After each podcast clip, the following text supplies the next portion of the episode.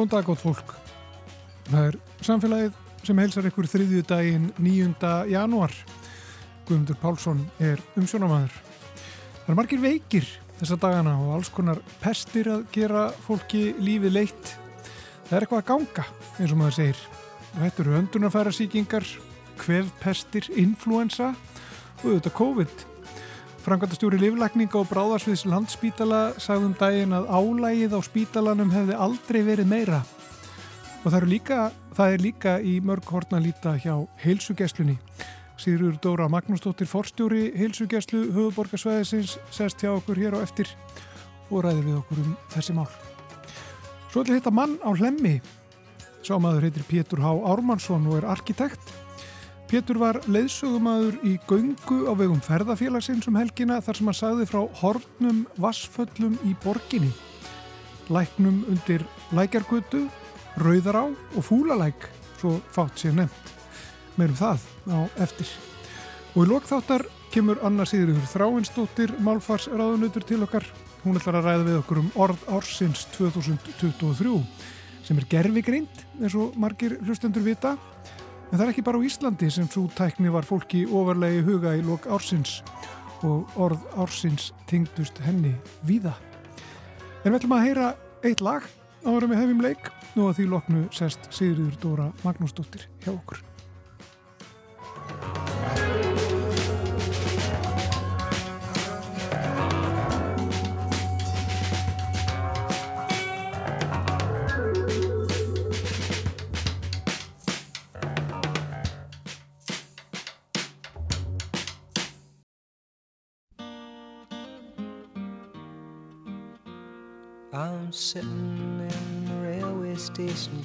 Ticket for my destination.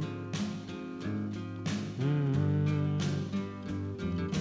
On a tour of one night stands, my suitcase and guitar in hand, and every stop is neatly planned for a poet and a one man band. Homeward bound,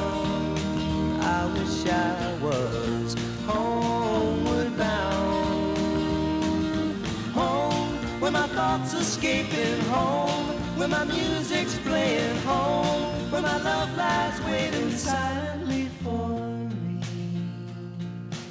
Every day is an endless stream of cigarettes and magazines. And each town looks the same to me the movies and the factories.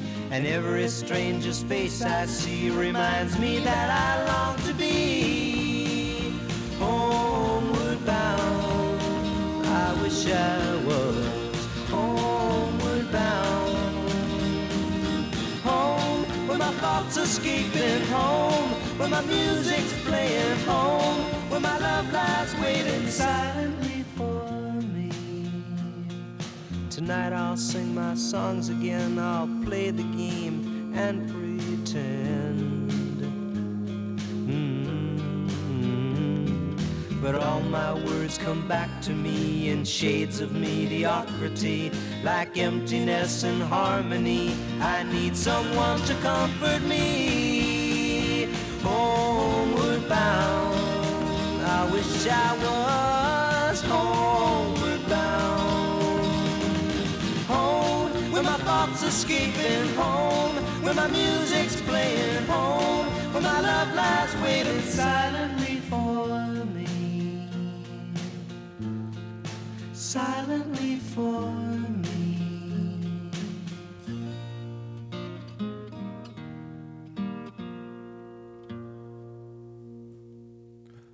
Þetta voru Simon og Garfunkel og lag sem heitir Homeward Bound. En þá erum sest hjá okkur Sigriður Dóra Magnúsdóttir, forstjóri heilsugjastlu höfuborgarsvæðisins. Vertu velkomin til okkar. Sælvertu, já, takk sem er leiðis. Um, það er margir veikir núna. Já. Ma, maður tekur eftir því. Það eru, vinnustæðir eru í svona vandraðum og, og fólk er bara, það er bara svolítið veikt. Og álæðið mikið á spítalanum höfum við heyrt og það er mikið líka á heilsugjastlunni, eða ekki? Jú, við finnum alveg fyrir þessu, það er mikil veikindu og þetta er okkar fólk líka lasið eða með veik börn og þetta er allt svona einn keðja en við náttúrulega eigum að vera og viljum vera í á undan bráðumóttugunni og undan bráðveikum þannig að við erum að reyna að grýpa allt sem við getum og uh, en uh, þetta er doldil kysla. Já. Hvað er svona mikið í gangi núna? Vi, við vitum að þetta eru öndunafæra síkingar mikið sem að hefur verið nefnt. Já, þetta er nú bara þessar hefðbundu öndunafæra síkingar, bæði erfið kvef og, og uh, svo er náttúrulega, er, það er alveg slangur af influensu, þó þessi ekki tala um influensu faraldur. Það er líka töluvert um COVID, mér skilst á tölum það sem meir um COVID en influensu, þó þessi ekki tala um COVID faraldur. Allt eru þetta loftvega síkingar sem leggjaði í rúmið í nokkara daga og þú ert alveg vikun að meira jafna þig. Þannig að, eh, og svo náttúrulega bara alls konar hefbunda pestir. Við hefum ekki verið að sjá mikið af slæmum magapestum eða nýðugangspestum en það var allir þú að segja það, þá kemur þá holskeplan. En þetta eru bara vetrapestinir. Já, það er janúar. Já, janúar, februar, umhleipinga veður, kallt og Svo eru við líka mikið inni á þessum tíma þannig að það, það er góða smitliðir á milli. Já. Bregðist þið eitthvað sérstaklega við uh, á helsugæslinni og finnið þið núna, sko eins og það var nú að tala um spítalan, sko þetta væri mm. mikið álag þar. Mm. Uh, finnið þið mikið meira álag núna og hafið þurft að bregðast sérstaklega við? Við náttúrulega erum bara alltaf verið að segja með svona daldi tví þetta þjónusta eða mark þetta þjónustu. Við erum að reyna alltaf að sinna dagvöktum og bráðum erundum og reynum svo að eh, tryggja að fólk hafi líka aðganga tíma hjá okkur aukarlega að, og auðvitað þá mm, við fjölgum á vöktunum bara eftir því hvernig er, það er bara þannig á hverju hilsugjöldu stöðli dæmis að fólk bara gengur í verkin og reynir að láta þetta ganga. Ef við hefum ekki breytt heildar skipulegin og við hefum ekki farið út í grímu skildu hins vegar er náttúrulega mjög gott að allir sem er möndunum fara síkingar hugsa út í það svona við þess að sóttvarnir hafa að segja. Nota grímu, MRM einkenni mun eftir handfóttunum sprittunu, reyna að halda fjallað vera heima með lasin þetta skiptir allt máli Já, mm. þekkjum þetta, við eigum að kunna þetta Við eigum að kunna þetta náttúrulega, við eigum ekki alveg að glemja þessu Já, e, þegar álægið e, svona, þegar þetta þingist svolítið hjá ykkur og, mm. og það eru margir að ringja og það verður að reyna að panta tíma og það er mm. erfitt að fá tíma það mm, tekur mm. stundum fólk að býða svolítið lengi en, en ef þú ert með já, svona mm. pestir þá þarf maður kannski að fá þjónustu strax helst hvernig brúðist þið því? Jú, við reynum alltaf bara að koma öllum á þann stað sem þau þurfum og við erum að reyna að forflokka erindi mjög mikið og við erum, við erum að ebla mjög mikið upplýsingamiðstöðuna og síman, 1700 síman, þar sem er veitt alveg frábær ráðgjöf hjúkunarfræðinga við erindum og þær geta þá komið þegar er búið að gefa ráð, kannski fylgja málum eftir, fylgja eftir eitt, tvo daga, segja, nú gengur þetta ekki, nú þarfst að fá tíma, þá, þá kemst fólk að bara á dagvöktum allra helsugjastustöða. Þannig við erum alveg að það er alla stöðvar að reyna svona flokka erindi, þannig að þeir sem þurfa tíma, fái tíma, en vissulega þannig að ef þú er bara kannski að koma í eftirlit út á þínu Uh, þínu brjósklósi eða um, blóðþyrstingi eða hvað sem er þá kannski þarf þetta að býði ykkur vikun en það á ekki að skipta neinu máli. Þá bara pantar þau tíma og færð hann og passar á að panta tíma áður en að lífið þín eru búin og svona og þá bara færðu tíma kannski í februar og það er allir leið Þannig við erum að reyna svona að uh, tryggja þeim erindu sem þurfa að koma en svo eru bara erindi sem megi alveg býða og þá þurfum við bara að koma þeim bara að fólk á tíma bara setna mér. Já, en er þetta sko, hefur þetta breyst mikið uh, á undanförnum uh, árum að þar segja sko, er álæðið miklu meira á, á helsugjastluna það er svo, svona tilfinning maður neina allavega mm. umræðinu miklu meiri um þá kannski það byrjaði fyrir COVID sko, það já, var erfitt að fá tíma hjá lækni og svo það eins. Sko Eh, það hefur, ég er nú búin að starfa í all nokkur ár og það verður alltaf verið býð eftir tímum. Og ég, bara ég persónulega sem heimislan, ég hef aldrei uh, átt þannig að það nú um tími til á morgun. Þannig að þetta hefur nú alltaf verið svona en, en vissulega þetta er, það er bara heilsugæslinn í dag er allt önnur heldur um var til dæmis þegar ég byrjaði. Við erum bara að sinna miklu fjölbreyttari verkefni miklu fleiri verkefni meiri eftirfylg, meiri flóknari vandamál, við erum komið fleiri mál, mjög gaman, virkilega skemmtilegt starfsumhverfi, virkilega skemmtileg verkefni og áskoranir, en auðvitað þýði það að það þarf að sinna. Það eru líka erindi sem hafa farið frá okkur sem að þurfa kannski ekki ákomið læknis. Við þurfum líka að það að við erum bara að leggja miklu áherslu á að þessi svona réttur heilbyrðistarsmaður sem sinnir erindinu að það þarf ekki alltaf lækni og það er svona kannski það sem við erum að reyna að vinna mikið með bara svona flokka og koma málum í, í réttan, á réttan stað þannig að það sé svona réttur aðili sem sinnir. Við erum kannski svo vöndi að það vaknar upp með eitthvað bakverk og segja að ég þarf að fá tíma hjá lækni. Nei, þú getur bæðið að fengið ráðgjöf hvernig áttu að sinna bakverkjum, við erum komið með móttöku, sko, stóðkjörusmóttöku mörgum heilsugjastlustöðum þannig að það er svo margt annar áður en þarf að meta það áður þar þurfur að heita lækni. Þannig að þetta er bara heilbíðiskerfið að breytast og við þurfum bara að kynna þetta meira. Og fólk þarf að átta sig á því að þú þart ekki alltaf að heita lækni að þú átt að hafa gott aðgengi að lækni þegar þú þart á því að halda. Mm -hmm. Það er náttúrulega, við þekkjum það að það vantar fólk, mm. til dæmis á spítalanum, mjög mm. mikið talað um það, þetta vantar hjúgrunafræðinga mjög mikið til dæmis. Mm. Þið finnir fyrir því líka í helsugæslinu vettalega? Svo sannarlega. Okkur vantar fólk, um, okkur vantar hjúgrunafræðinga, okkur vantar lekna og, og við erum með margar aðra starfstettir og sem betur fyrir fjölgar, við erum að ráðin, við erum með sálfræðing og þeim fjölgar, við erum að ráðin næringaráðgjafa og fleiri en eh, okkur vantar í grunninn fleiri hjúkunfræðing og lekna, það er alveg rétt. Og það er bara því að verkefnin eru bara verkefnin eru fleiri fólk eh, vil leita til heilsugjastlunar og við viljum taka mótið í og þá þurfum við meiri mannskap. Já, er, er eitthvað verið að bregðast við því sérstaklega á ykkar við, sko, er heilsugjastlan eitthvað að reyna að sækja fólk? Já, við náttúrulega erum náttúrulega náttúrulega fyrstulega alltaf með opnar auglýsingar og, og hægt að sækjum á vefni hjá okkur en við rekum sérnámsprogram í heimilisleikningum sem er sem sagt á vegum þrónumistuðu helsugjöslunar og það eru leknar í sérnámi bæði hjá okkur en líka á einhverjegnstöðunum og út um land og það eru hundra mann sem eru í prógraminu. Þannig það eru bjarti tíma framöndan en þau eru ekki all tilbúin strax en þau eru gríðarlega mikilvægur sko starfskraftur í dag og frábært fyrir okkur sem að eigum kannski ekki eftir að starfa svo mörg ára að vita því það er góður hópur á leiðinni.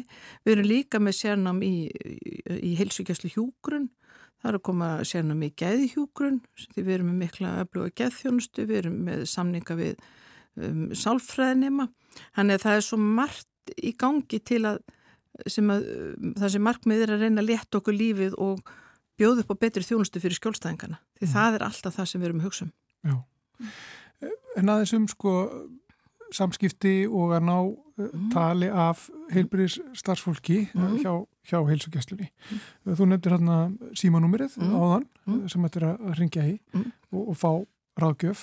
Þið hefur svolítið verið, maður heirt nú bara auðlýsingar uh, í útvarpinu að það er svolítið verið að, að nikja þessu, að byrja á því að ringja. Já, það er það sem við leggjum áslá að byrja á því að ringja og þetta er svona samstarfverkefni um, það sem Hilsugjæslan og Landsbytjón og fleiri koma að, að vekja aðtekla á 1700 símanum það sem er svarað allan sólarhingin. Þánga hafa núna síðustu sólarhinga komið um 1500 erendi og uh, það má heldur ekki glemja því að það, sko, það er rosalega margt í gangi á heilsugjálfstöðunum, bara okkar heilsugjálfstöðum er um 2500 til 3000 erindi sem eru afgreitt á hverjum einasta degi. Og það eru viðtöl, símtöl, rafran samskipti en þú 3000, 3000 erindi á dag er nú bara nokkuð. Þar af erum 500 sem eru bráðakomur að þannig að Þannig að það eru 500 manns sem að rúli í gegn á hverjum degi með ykkur erindi sem ekki þóla byggð. Þannig að það er, það er alveg verið að vinna, það er alveg verið að, að hlaupum gangana hjá okkur mm -hmm. þó að við viljum meira. Mm. En 17. símin er gríðarlega mikilvægur og, og svo er náttúrulega líka símaráðgjöf og heilsugjálsustöðunum og svo má ekki gleyma netspjalli heilsuveru sem er kannski svona fyrsti tengileiðurinn inn þar sem þú getur bara fengið almenn ráð og, og erundinu komið áfram. Því að það er svo mikilvægt fyrir okkur að fólk fái ráð og upplýsingar um hvað er hægt að gera svo að það, þegar það kemur til okkar að þá að þá getum við gert eitthvað. Því við getum svo sem ekkit gert frekar en bara uh, hver annar við einhverju kvefi sem er nýbyrjað eða eitthvað svona. Það, þú hefur ekkit að gera þá til læknis. Mm -hmm. Að, en þegar ekki gengur þá viljum við sjá þig. Já. Mm. Hvernig finnst þér þessi finnst þér heilsu verið að hafa hafa reynst og, og þróast? Þá erum við að gera eitthvað breytingar á þessum samskiptum. Já, já, við erum alltaf að reyna að laga hana betur. Og heilsu verður náttúrulega margþætt, það er náttúrulega bæði netspjalli sem er svona ópersonagarinnlegt og er mjög gaglegt og mikið nota og svo getur við farið úr því yfir í að verða personagarinnlegt eða fara á bara mína síður heilsuveru og þá ert að sendin erindi þínu nafni.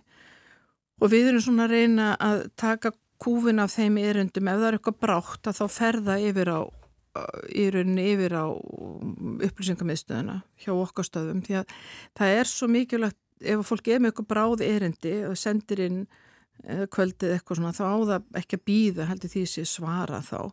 En e, þetta er mjög góð leið fyrir samskipti. Við þurfum bara átt okkur á því að venjuleg skilabóð sem eru sendin í heilsuföru gegnum mína síður þau eru ekki bráðeirindi.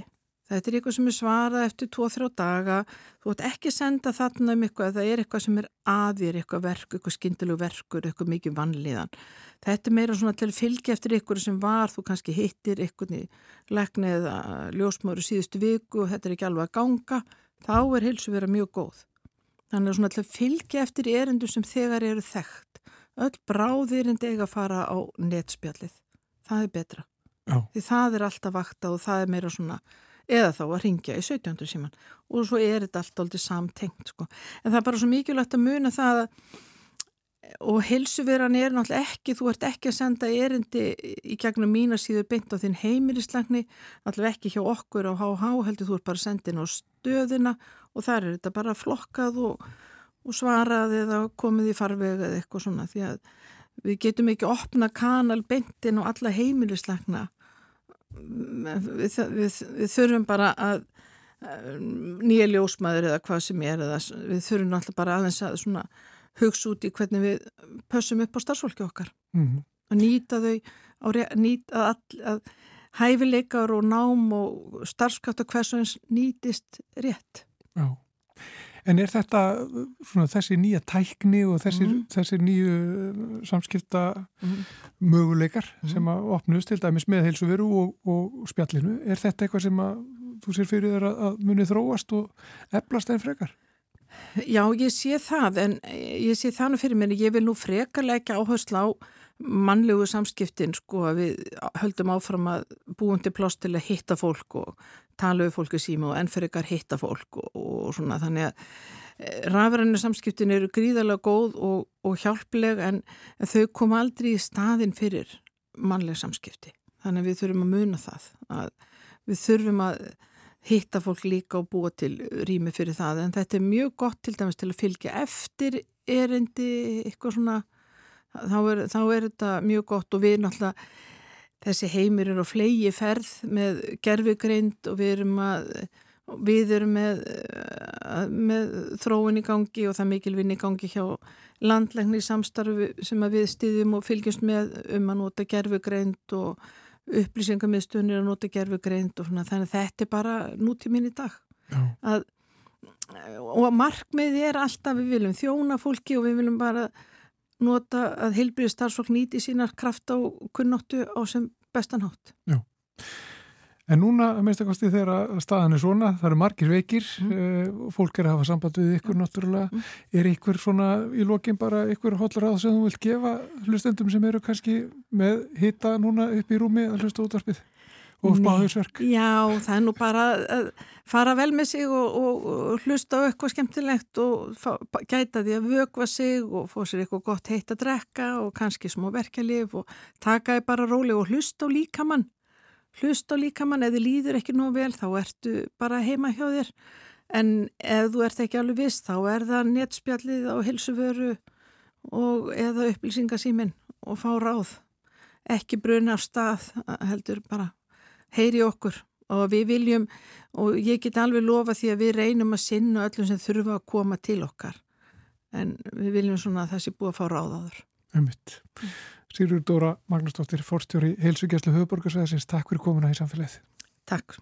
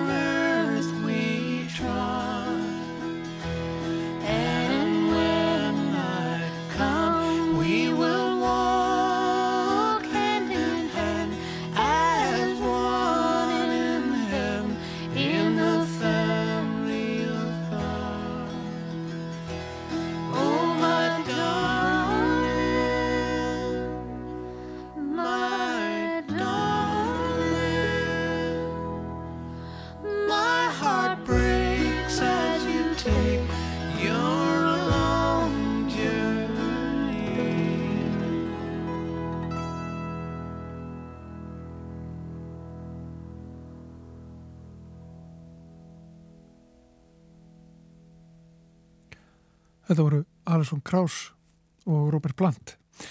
Lag sem heitir Your Long Journey. En e, þá ætla að kíkja þess nýri bæ.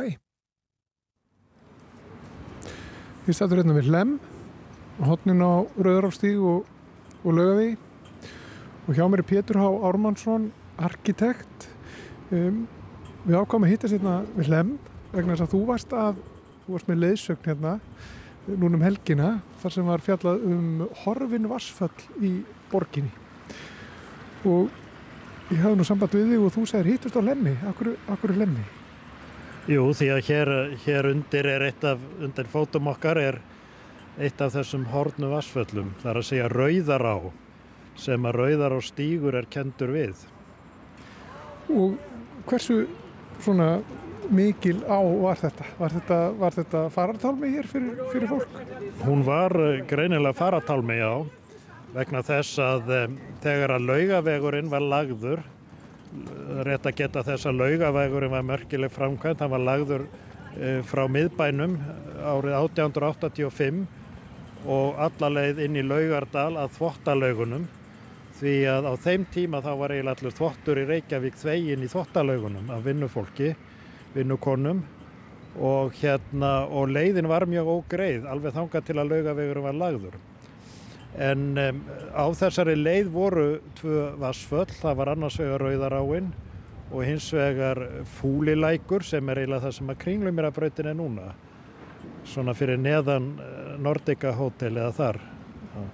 Og um, það, var ákveðið þegar laugarlegurum var byggður að það að brúa þessi vassföll og um, brúin sem var gerð hérna yfir Rauðarána, hún, var, hún þótti ekki mjög merkilegt, þetta var svona tre fleki eiginlega og hún fekk nafni Hlemmur.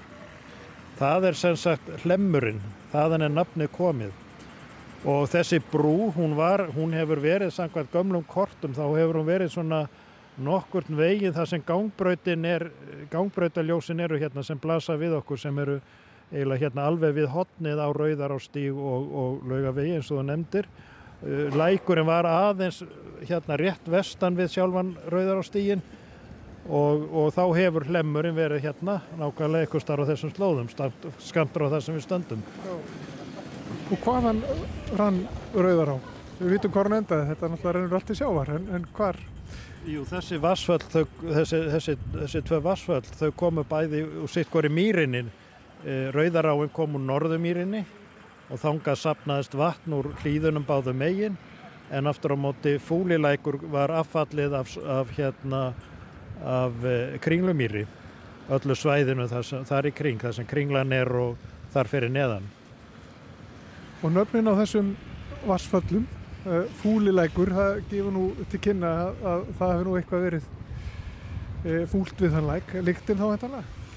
Já, sko, það var, það myndaðist neðst, neðstu sjóin, þar sem, rann, þar sem fúlilækur rann yfir í sjóin og fúlulækjar tjötn held ég hann heitið og en uh, fúlilækurinn var skæðraðis vassfall því að það var hérna þar fórst kona á 19, sent á 19. öld, vinnukona sem var að fara þarna yfir að vetri til og druknaði þessari, þessum, þessum læk og það var líka til þess tekið að, að, að á tímabili á, á 19. öld þá var biskupsetur út í lauganissi en síðan ákvað biskup að flytja sig í bæin og, og, og hérna úr lauganessinu og nýri lækjargötu og eina, eina af ástæðinu var því að var að, að það var svo ógreitt að fara yfir þessa, þessa á á leiðinni. Leiðin var svo ógreitt.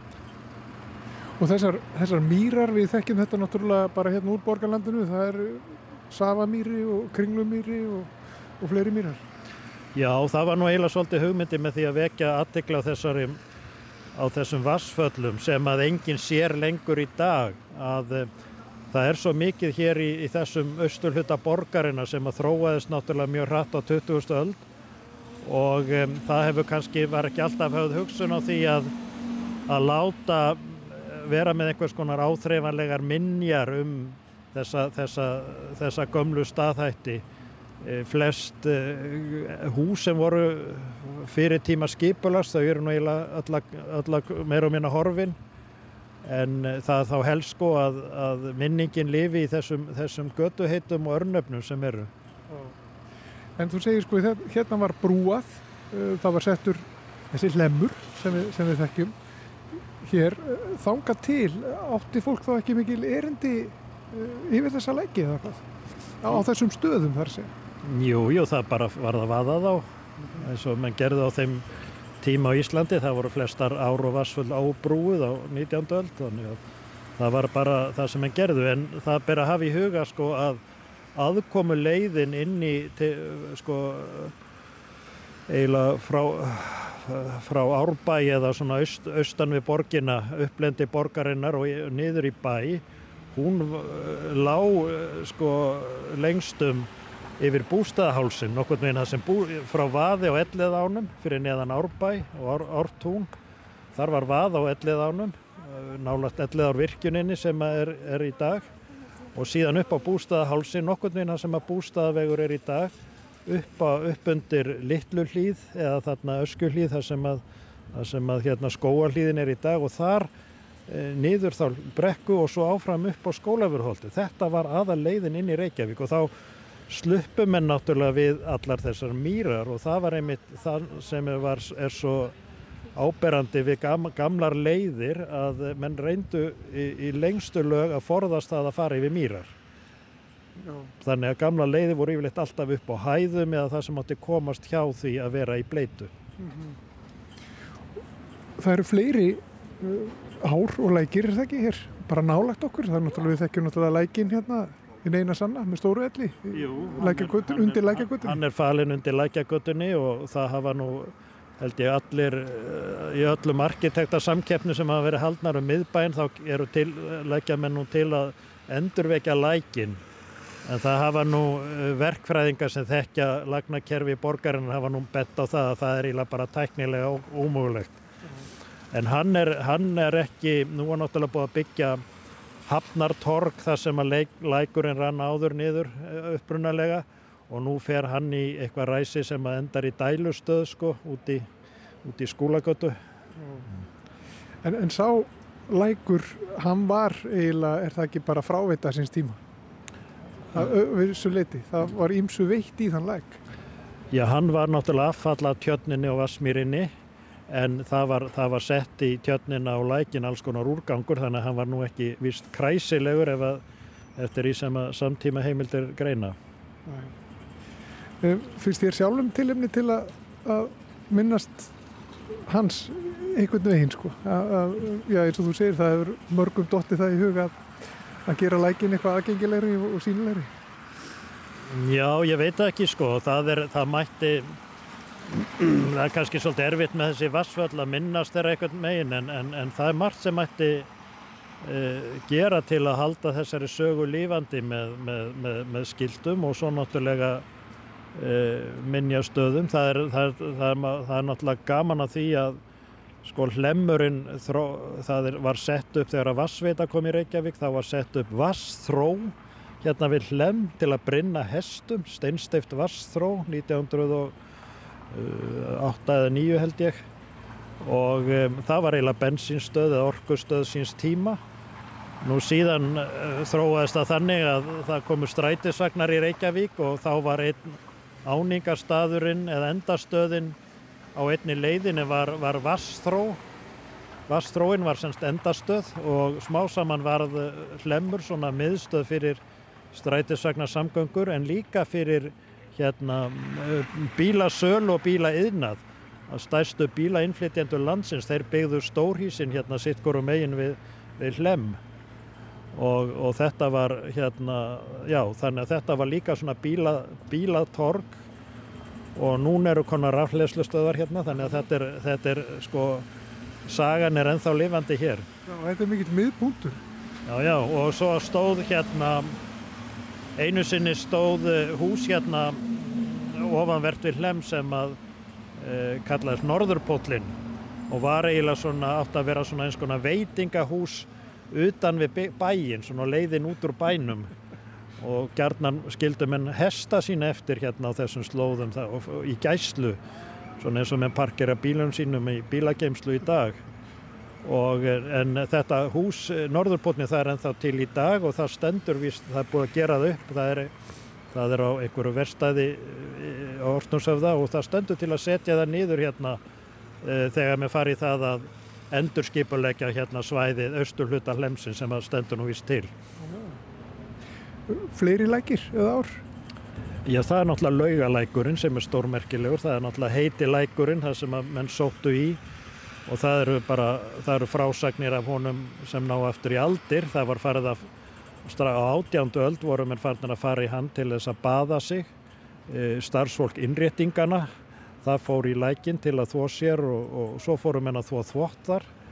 Og þá kom þessi, þá kom til þessi, þessi hérna þessi stjætt kvenna sem hafði það vinnukonu sem hafði, það að atvinnu að bera þvottin á bakinu úr bænum út í þvottalaugar í hvaða veðri sem var og, og öllum árstímum og svo til, tilbaka þvegin og blöytan og þetta voru alveg það er erfitt að ímynda sér hvað þetta voru, voru erfiðar aðstæður. En eh, fyrir þá sem hafa áhuga að kynna sér sko þetta þá er náttúrulega til varðveittur ennþá bútur af laugalæknum og þvottalaugarnar. Það er svona minja staður sem að ég hvet nú bara alla borgarbú að gera sér ferð og skoða. Það er svona einmitt síning sem að það sem að þessi merka saga er rakin. Svo munum við nú eftir sko í Brekkugottsannal þá var verið að vara við sogalæknum. Já, já, hann var, var einn af þessum lækjum sem að rann þá vantarlega, ég veit ekki hvort hann rann í ellið átt, en ég er nú ekki kannað nákvæmlega hvert hann fór en hann hefur lítur að hafa farið eitthvað á þar, þar, slóðir. Og hann er horfin, einn af þessum horfin. Já, hann er einn af þessum horfnu lækjum. Þannig að svona breytist landslægið og svona breytist uh, byggðin, staðhættir hverfa en um, það, mikið, það hefur ótrúlega mikið gildi þegar tekst að draga eitthvað svona gamalt fram í dagsljósi og þá vil ég nú sérstaklega nefna uh, steinbryggjuna neyri bæ, hvað það var gaman þegar hún var eiginlega afhjúpuð þarna þó það sé ekki öll bara smá bútur af henni en þá vita mér nákvæmlega hvar hún var og það finnst mér mætti kannski gera hérna á hlemmi, það mætti gera eitthvað hérna í götu yfirborðinu eða eitthvað sem að minnir á þennan hlem sem að var hérna einu sinni og, og nafnið, þessi staður uh, dreigur nafn sitt af. Þú gegst hérna með hóp fólks núnum helgina. Já. Uh, var þetta langur gungutúr? Það voru margir staðir sem að stoppa við og, og, og bent og sagt þarna var nú þessi leikur og þarna var hinn leikurinn og þessi brú er hér. Já, þetta var svona tveggja tíma ganga og, og hérna hefur reyndar verið, ég hef verið með svona göngur einu svona ári í síðan 2005 á vegum ferðarfélags Íslands. Og við hefum farið svona einmitt á ímsa slóðir hérna í, já ég laði bara út um allt höfuborgarsvæði, reynda að finna eitthvað svona, e, þetta er náttúrulega versti tími ársins að vera með svona göngur Þannig að uh, já, það er nú öllu svona málæði reynd að halda því í hófi því að fólk það líka ganga rösklega á þessu milli þannig að það þarf að vera, þetta er ekki bara, er ekki bara einhver fróðleikur, þetta er líka útífust að ganga. Já. Og svo náttúrulega eru svo margar sögur í kringum uh, hvert stað fyrir sig sko. Við erum hérna við Lem og, og það eru margar sögur sem hættir að segja af, því sem að, að uh, hefur gengið á hér.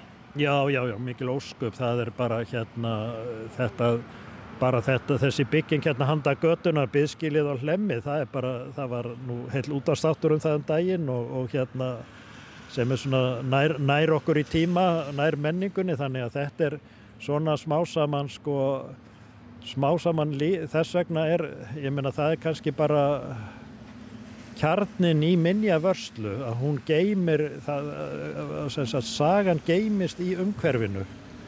Við getum svo miklu betur upplefa söguna ef við vitum um hvar hlutir gerðust og byggingarnar sem, a, sem að móta umhverfi þar segja okkur sína sögu þegar við förum það þarf hjálp okkur að rifja upp og það kannski við sjáum helst munin eins og til dæmis við blessaða fúlalæk sem er algjörlega búið að má út af öllum, öllum kortum sögunar og ekki einu sinni örnefni lifir.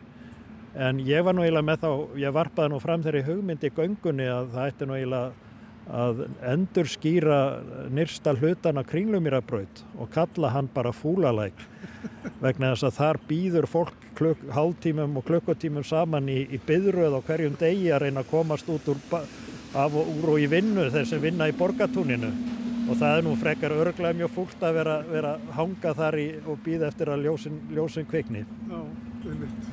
En svo náttúrulega verða til líka, sko, svo fá þessi staðir ný hlutverk að sjálfsögðu. Eins og við sjáum hér hér er fólk að kaupa sér mat og yfirslegt á hlemmi náttúrulega sem, að, sem var ekki svona breytist líka náttúrulega umhverfið og samfélagið og, og, og þess að þar og, og staðir fá ný hlutverk. Jú, jú og það er það er eðli, sko, það er eðli bygginga það er, það eru, byggingar eru nýtja hlutir og ef að það er engin starfsem í byggingunum þá er, þá er nú vansi að það sé hægt að varðveita þar en til þess að sé, svo sé hægt þá er það hérna þá verða byggingarnar að vera gærna nægilega sveigjanlega til að taka við ímiskunar starfsemi.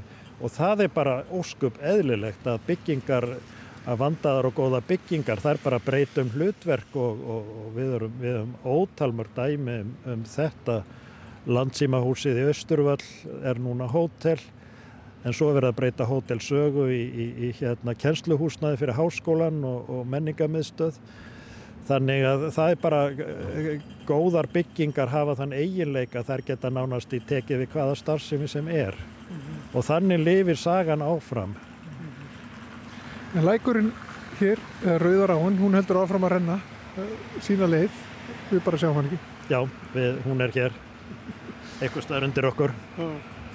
Pétur H. Ormansson, arkitekt, takk hjálpa fyrir þetta. Gaman að spjalla við þig um Horfin Varsfjöll í borginni. Takk fyrir.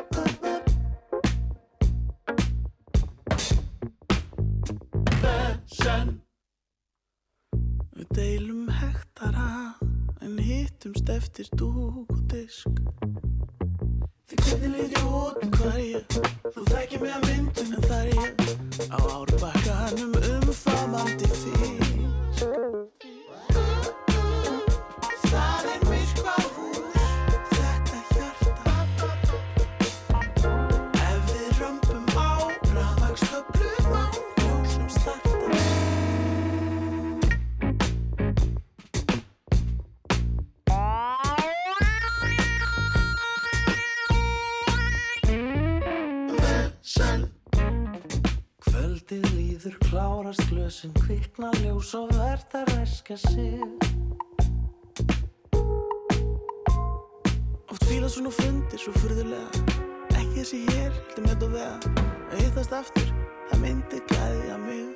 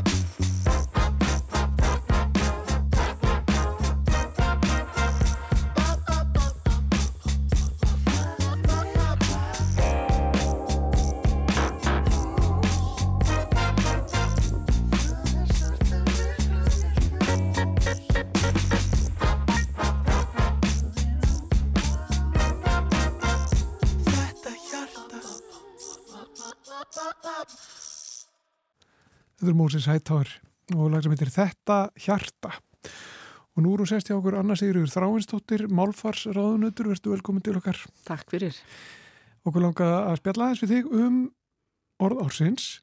Um, það var tilkynnt núna fyrir nokkrum dögum síðan. Já. Hvert orð ársins 2023 var og það er orðið gerfigrind Jú, jú. og kom kannski ekkit mörgum óvart. Nei, já og þó, það hefur svo margt gengið á þessu ári. Vi, við viljum nú yfirleitt hafa þetta, að þetta orðs endur spekla eitthvað atbyrjun á, á liðinu ári, en já og nei, þetta kom kannski svolítið óvart miða við það að við erum svo ofta að hugsa okkur nær og það hefur mikið gengið á síðustu mánuði í íslensku samfélagi að minnstakosti. En gerugrind er auðvitað bara allavega um hinn vestræna heim, bara stóra málið Já. og var það allt síðasta ár, þannig að þannig síðan kom það kannski ekki á óvart. Það sem kom okkur pínlítið og skemmtilega á óvart var það að stofnun Átna Magnússonar velur sitt uh, orð, dregur það út úr, út úr upp úr miklum gagnagrunnum það sem, að, sem er samansapna þeim orðum sem hafa mest verið notuð á árinu. Og gerfigreind er eitt af þeim, sannarlega. Já, Þannig að það er bara, það er mjög áhugavert. En svo sjáum við að líka þetta orð og ímis orð sem tengjast gerfigreind eru, því að það er mjög mikil íþrótt að viða að, að velja orðarsins við um heim. Og uh, það er mjög víða, alls ekki alls það er mjög víða sem að orðin tengjast gerfigreindinni með einum eða öðrum hætti eða eru beinlinis orðið gerfigreind já, á því tungumáli, hverju hver tungumáli sem við á? Já. En, en, og orðið sjálft, Já, gerfugrind, Já. um, það orð, var orð ársins uh, á nokkur stöðum. Bara, Bara það orð og svo Já. náttúrulega ímislegt sem tengist Það var til dæmis, uh, það var reyndar í öðru sæti í, hérna, öllum, af öllum ofinbjörum málum landsins í Sviss. Þá Já. var það í rauninni franska útgáfin af gerfigreindinni sem var í öðru sæti yfir, yfir orð ársins í Sviss. já, hvernig hljómar það? Ertu Uh, sleppur frönsku? ég er ekki mjög sleipið fransku, en það er svona eiginlega alveg eins og í ennsku. Intelligence uh, artificial eða eitthvað svoleið, sko. Ég er ég er ekki alveg múin að er franskuna nógu ég- vel. Mér finnst þetta mjög samfærandi. En á, í, í Sviss til dæmis, þá var orð ársins á ítölsku, það eru fjögur það tungumál í, í Sviss. Og ítölsku var svo GPT, sem er setni liðurinn í tjatt GPT, eða sem til dæmis setni liðurinn í tjatt GPT, sem er skamstöfun á, á orðunum Generative Pre-Trained Transformer. Þannig að Þannig að, já, og, og í Noregi til dæmis þá, þá var það uh, K.I. Sjenirert eða K.I. Sjenirert sem er bara notað um það sem er búið til uh, með notkun gerfugreindar uh, Færingar, það vita það nú held ég flestir Íslendingar að, að gerfugreindin var líka orð ásins í færum og þar ég, kann nú ekki, al, ég er ekki heldur alveg sleipi, sleipi færiska framburðunum en, en vit líki myndum við byrjað fram upp á íslensku. Já, sem er mjög gott orð. mjög skemmtilegt orð, vít líki sem að er svona ekkit það er merkingarlega bara nákvæmlega það sama og, og íslenska orði gerfigreind en, en snúa liðun við. Já, já, já. Þau Við þekkjum hérna- náttúrulega smjörlíki. Smjörlíki og bjórlíki. Og bjórlíki, já, já. já, og svona leðurlíki og fleiri líki. ýmislíki. Allra kvikindalíki. Já, eiginlega. en svo uh, eru, jú, jú, það voru sumar uh, ennskumælandi orðabækunar voru með gerfugreindina, allavega Collins orðabókin var með styttinguna AI eða AI eins og það er vist búið fram á ennsku en svo voru, sko, svo, og þessar erlendu orðabækur, þær eru að velja eða þær eru sem sagt að tilkynna hvaða orðum er oftast flett upp í orðabókum. Þannig að þe- þetta endur spekla svolítið hvaða hvaða orð það eru sem að fólk er að leita að þarf að geta skilgreint eða fundi merkingu á og svo framvegs Mm. þannig að það er uh, þar Collins orðabókin var með bara AI, Artificial Intelligence. Merriam Webster var með orðið authentic sem erkir ekta eða ósvikið þar að segja. Og það hefur sett, verið meðal annars sett í samhengi við vöxt og viðgang gerfi greindarinnar sem getur haft í för með sér að skilin millir þess sem er raunverulegt og þess sem er það ekki verða svona óljósari. Já, við vitum ekki alltaf hvenar gerfugreindin er að verki og hvenar ekki. og þá fyrir við að einmitt að velta fyrir okkur hvað er ósvikið. Já, Já, nefnilega. þannig kemst það í umræðina. Já, Cambridge orðabókin og, og dictionaries.com voru bæ, báðar þær bækur voru með orðið hallucinate sem við erum kannski vunist í að, að uh, kalla því það sem ofskinjanir eða, eða, eða ofskinjun á íslensku, hallucination reyndar. Uh, en þarna er þetta sett í sambandi við gerfugreindina, hallucinate og mér sýnist að máltækni fólk sumt hvert allavega kalli að gerfugreindin fari með fleipur þegar, þegar, þegar hérna, það er sagt að hún sé hallucinera Já, já, þegar hún býr til rángar upplýsingar já, já, já. þá er hún bara að, að bulla já. og svo má segja. Það, en þau vilja kannski ekki endilega halda því fram á hún bulli en hún fer ekki alveg rétt með, hún fer með fleipur já. eða fleiprar Já, stundum einmitt reyndar er þetta bara tóm þvæla sko. Ef ég spyr hver Já. er annars eru þráistáttur og þá kemur bara að þú sést bara eitthvað, ég Já. veit það ekki, þekktur kvikmyndi gera maður frá Mexiko eða eitthvað Jú, sko. jú, það og svo hún getur farið alveg út um viðamall. Svo býr hún til alls konar orð sem, að, sem að við höfum aldrei séð og jafnvel kannski ekki haft hugmyndaflug til að búa Nei, til á íslensku. Sko. Þannig, að, þannig að þá er hún að fleipra, Já, búa sér til skýringar og, og svona og, og já. Þannig að það er, það er svolítið mikið um það að, að sko, þetta, þetta var uh, þetta var svona mjög áberandi allt árið fyrra, ég alveg segja kannski alveg frá því að hérna, chat GPT kom fram að sem að þá fór einhvern veginn stað einhver svona gerfigreindar snjóbolti í umræðinni. Ég er um ekki að segja að það hafa eitthvað byrjað með því, heldur bara allt í hennu varð gerfigreindin á allra vörum, allir hafa áhuga á henni.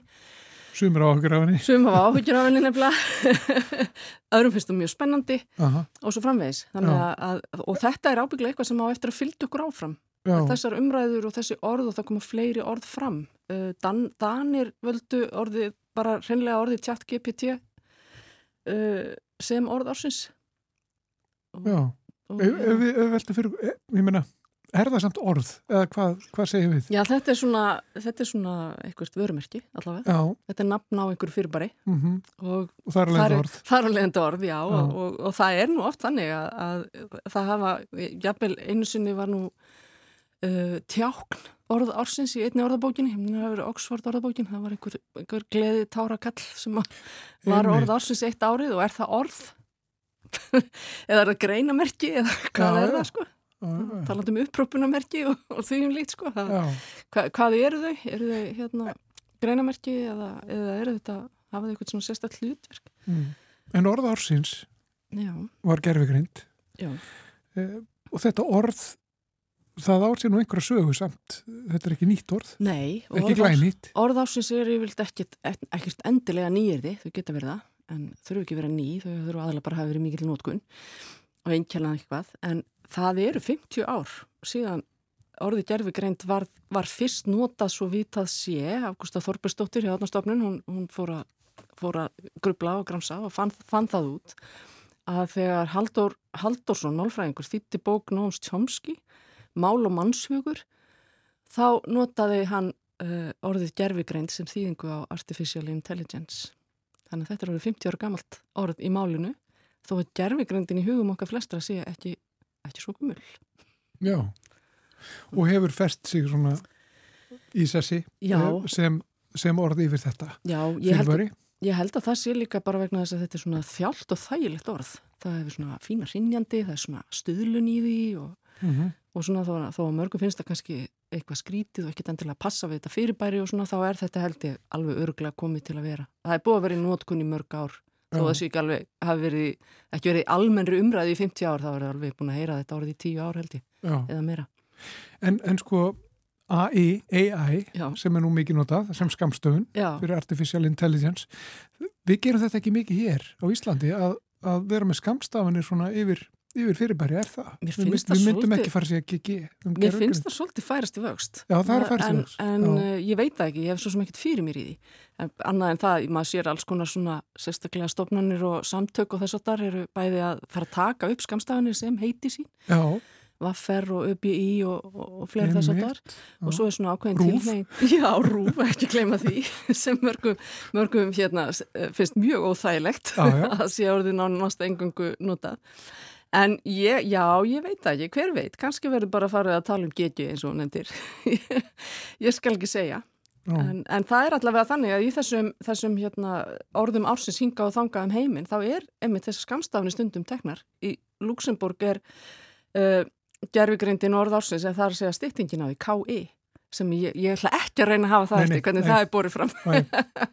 GPT, uh, AI í hérna Collins og svo í Nóri þetta KI sinirest þess að þeir stýtta kunstli, intel, eh, intelligens í, í uh, KI það er ekkit ólíklegt að þessi bylgja ríði yfir okkur líka. Nei, nei, nei, þetta er ykkur. Jú, jú, þannig að, jú, kannski er þetta Þetta er svolítið að færa stíðugunum Annars eru við þráðanstóttir málfarsraðanundir og gaman að fá því heimsókn. Eins og alltaf eh, Takk fyrir að, að fara yfir orð ársins með okkur. Takk fyrir